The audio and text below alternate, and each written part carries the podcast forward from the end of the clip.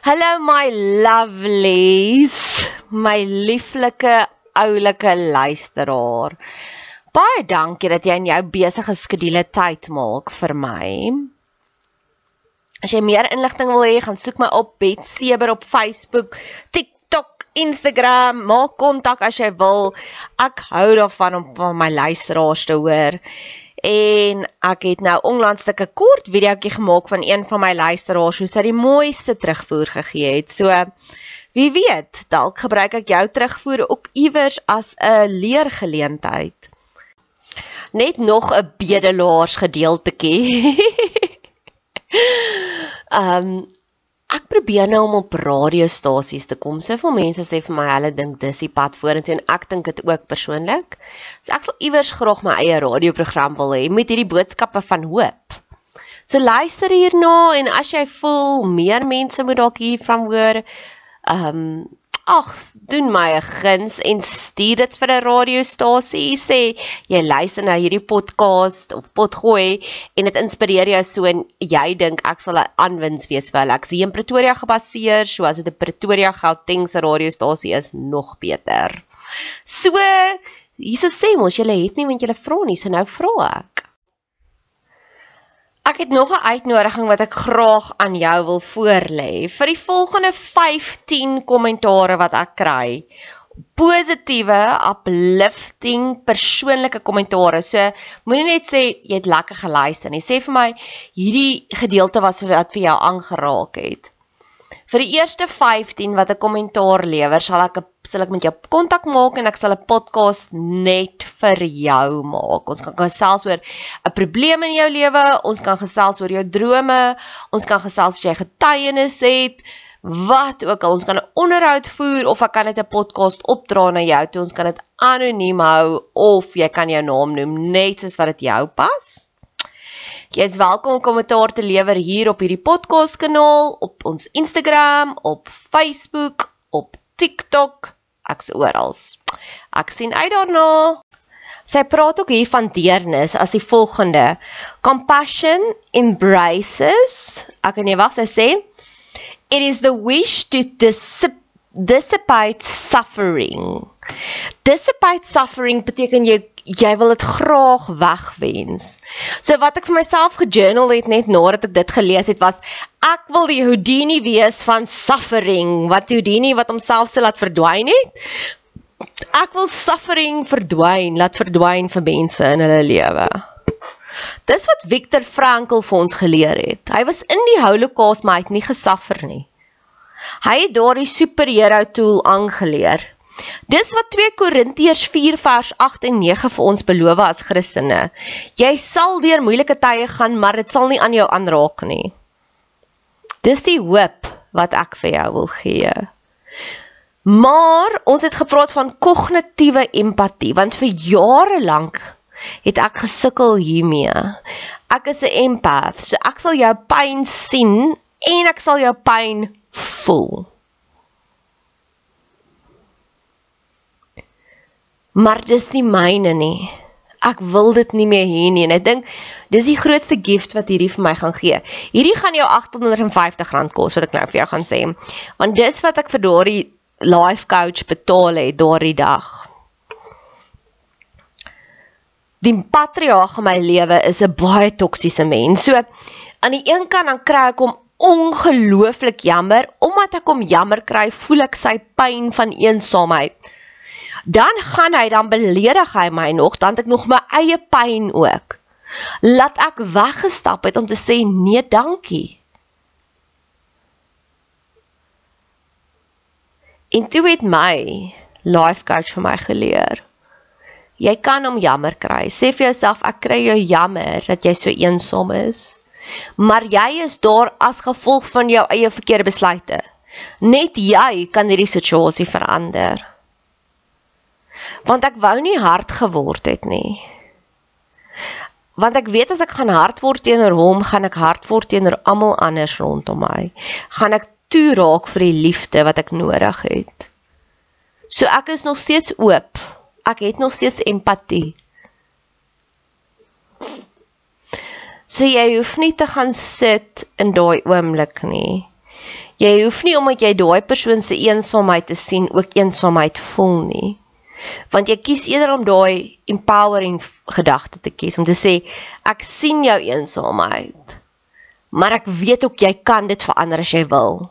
Net soos wat ek ook dit kan verander. Dit is die gevoel wat ek wil voel. Vandag is 'n nuwe dag. Vandag kan ek weer dinge kies wat ek wil hê in my lewe. Ek kan weer kies ek wil nie weer dit hê nie, maar ek wil weer van dit hê.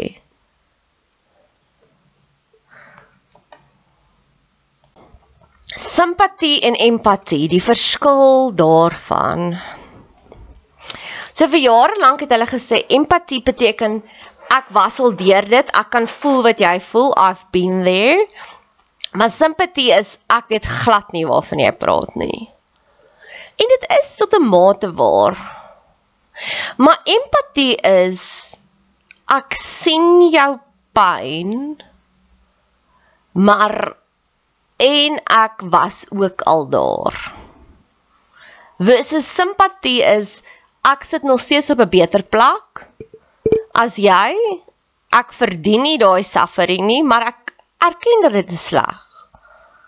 Waar jammer te erken omtrent glad nie eers dis sleg nie. Simpatie. Hier is 'n voorbeeld van simpatie. Ek love my landlords. Hulle is awesome. Hulle is van die mees gesondste mense wat ek ken. But they're only human after all. So die man het verskriklike goeie verhoudings met sy familie. Ongelooflik. En hy's 'n goeie pa vir sy kinders as 'n resultaat. En ek het eendag met hulle gepraat oor my my uitdagings met my familie. En hy het vir my gesê hy het so 'n goeie verhouding met sy familie. Dis vir hom slag as hy hoor ander mense het nie daai seëning nie. En daar was 'n bietjie sting toe dit. Dit was simpatie. Ek dink ook terug aan my ma. My ma het kanker gehad en sy het niks van die simpatie gehou van die mense wat hulle vir haar gegee het nie. En ek dink sy het soveel issues gehad met haar gesondheid oor die algemeen. Sy was baie oorgewig. Sy het ja, sy het baie issues gehad. So ek dink net sy kon net nooit die mense se omgee voel nie. Dit het haar seer gemaak. Soveel so dat ons het op 'n stadium dis hoe hartseer dit is. Sou ons kerk toe gaan want ons moet. Nie dat daar iets, daar was nie 'n blessing daar nie, moet ek ook vir jou sê. Ek weet dit klink verskriklik, maar niks van die goed daar het niks ooit verander nie. Dis die punt van die saak. Waar meer ek met God wandel, meer verander ek. Want jy groei van krag tot krag. En ons het heel agter in die galery gesit en voordat die dominee kon sê amen, ons was ek was hervormde kerk. So die dominee moes eers uitloop en dan die res van die gemeente. Voordat hy kon sê amen, is ons al reeds in die kar want my ma wil met niemand van die ander gemeentelede praat nie want dit is vir haar sleg as hulle vir haar sê ons gee om vir jou want dit was simpatie dink ek. Waar empatie my vriendin is in 'n baie toksiese besigheidsverhouding. En dit sy saam met dit met haar vriendin en dit is ook haar besigheidspartner. Maar daai persoon doen niks. Sy's nie 'n goeie vriendin nie. Sy is ook nie 'n goeie besigheidspartner nie. So ek kan na haar toe gaan en vir haar sê, weet jy wat, my liewe vriendin, ek weet hoe dit voel. Want ek het 'n patriarg wat homself my pa noem en my is nie 'n pa nie. Jy het 'n vriendin wat haarself 'n vriendin noem, maar sy is nie 'n vriendin nie. Jy het 'n besigheidsvernoot wat haarself 'n besigheidsvernoot noem, maar sy is nie dit nie. En daai hele turmoil van is ek 'n slegte mens om haar te verwerp, om hom te verwerp? Nee, ek is nie. Ek is meer werd as dit. Daai hele journey waartoe jy moet gaan. I've been there. Dis empatie. Elke gevoel van verraad wat jy voel teenoor daai persoon. I've been there om 'n persoon wat jy wat geklassifiseer was as 'n goodie oor te skuif van jou goodie box na jou baddie box toe. Dis 'n mindfuck op soveel verskillende vlakke. Want aan die een kant wil jou Christelike plig uitkom en vergewe en vergeet. En aan die ander kant weet jy hierdie persoon doen net skade aan jou. Dis empatie. Ek kan vir my vriendin gaan empatie gee. Arbitrary, ek nog steeds daai woord, arbitrary definitions. Dis mense wat vir ons sulke fake advies gee, hè, hulle dink hulle is reg. Soos ek kan onthou met die patriarg in my lewe, het ek eendag op 'n stadium nou ek stel toetsies op vir mense. Ek stel toetsies op wanneer ek vermoed jy is toksies, dan sal ek jou toets om agter te kom gee regtig om. Is jy regtig daar vir my? Moet ek jou uitsny en ek dan bou ek sulke bewyse op. Voordat ek weer kan empatie kry vir die persoon, voordat ek weer kan sag raak, want ek raak baie vinnig sag en ek kry iemand baie vinnig jammer. En dan as jy al daai toetsies faal, dan ek amper soos hierdie hierdie stoktyk van ja, jy is toksies. Ja, jy gaan nie verander nie. Ja, jy gaan nie berou toon nie. Dalk kan jy nie, dalk wil jy nie, wat ook al jou rede is. En dan so laat dit my toe om regtig vir alles af te sny van jou. So wanneer jou patriarg niks voorsien nie en niks beskerm nie, oor en oor, besef jy ek ek walk away. Ek het twee boeties. Ek en die een boetie het 'n pragtige verhouding. Ek en die klein boetie, hy's net so toksies. Het 'n aaklige verhouding. Of nie aaklig nie. Ek I just couldn't be bothered. En ek het op 'n stadium vir die patriarg gesê ek sukkel om te connect met die kleintjie. Maar op daai stadium het ek al soveel bewyse van hoe ek uitgereik het en daar niks terugkom nie, dat ek eintlik geweet alreeds ek's reg. Maar ek wou vir die lifeline wou ek uitgee vir die patriarg om te sê dalk kan jy nog 'n rede speel. En hy het vir my gesê ek bal my kinders een keer 'n week en dis hoe ek weet ek het 'n goeie verhouding met hulle. Dis okay dan.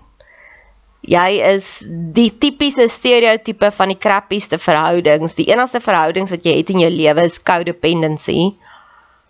Daar is nie 'n ware verhouding nie. Daar is nie jy kan sien as iemand in 'n ware verhouding is of as hulle net in codependency is. Dit voel so plig. En dit was 'n arbitrary motion. Dit was toksies.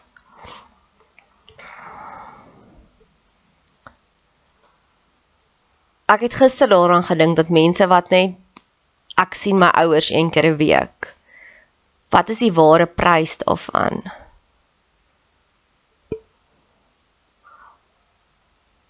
Want dan gaan jy so intoe dis ego op ego versus ware verhoudings. Sê vir my, vertel vir my. So hierso noem sy dit 'n hele paar empatiese misse.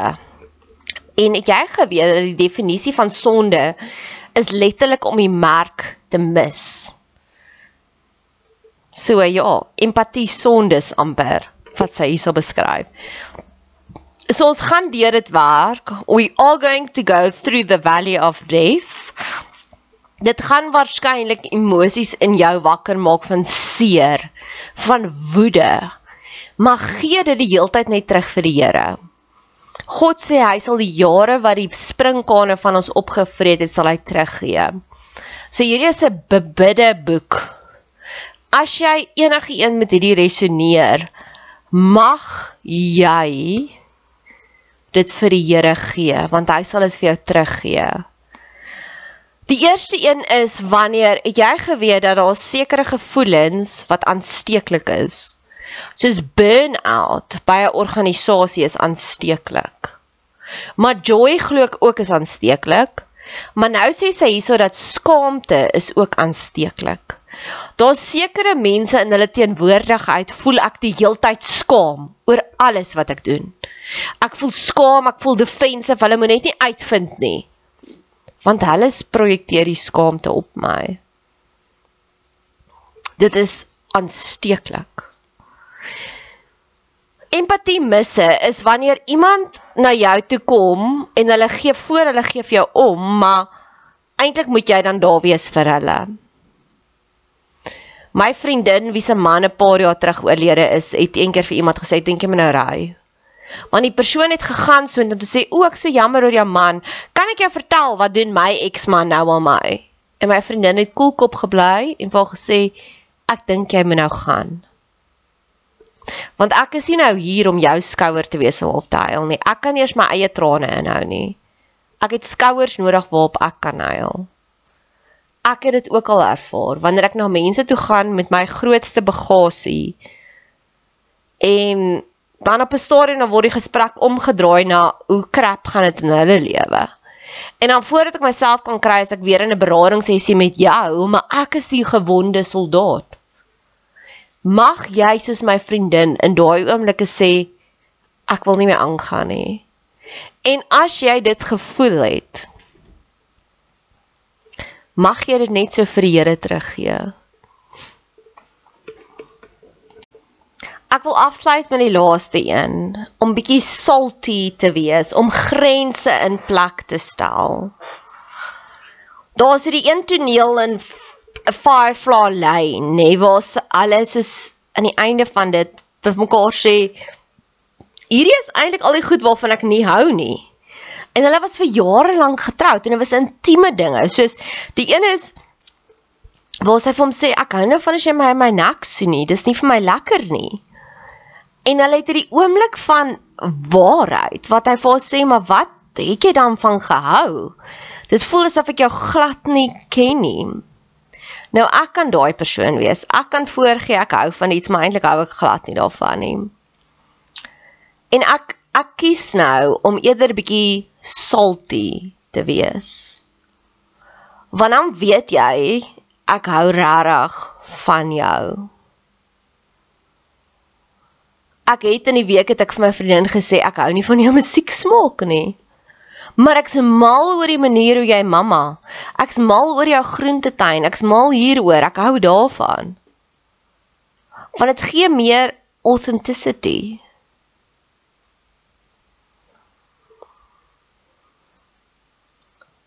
Daar kom 'n stadium wat ons met volwasse genoeg wees om 'n grens in plek te stel.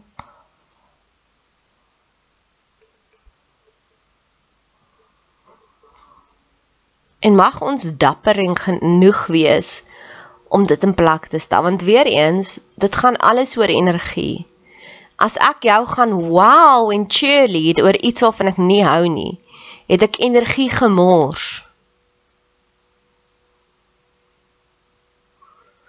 En dan kom jy op daai plek van firefly lane wat jy alles gewow het en gecheerlead het maar niks was opreg nie En dan kom jy op 'n plek waar nie mense niks meer vertrou wat jy sê nie. Soos ek vir jou sê, ek sien uit daarna dan doen ek rarig. Waar ander mense se teenwoordigheid voel vir my soos 'n wortelkanaal. Ek sien nie uit daarna nie. Dis iets wat moet gebeur en ek hoop is nie te pynvol nie.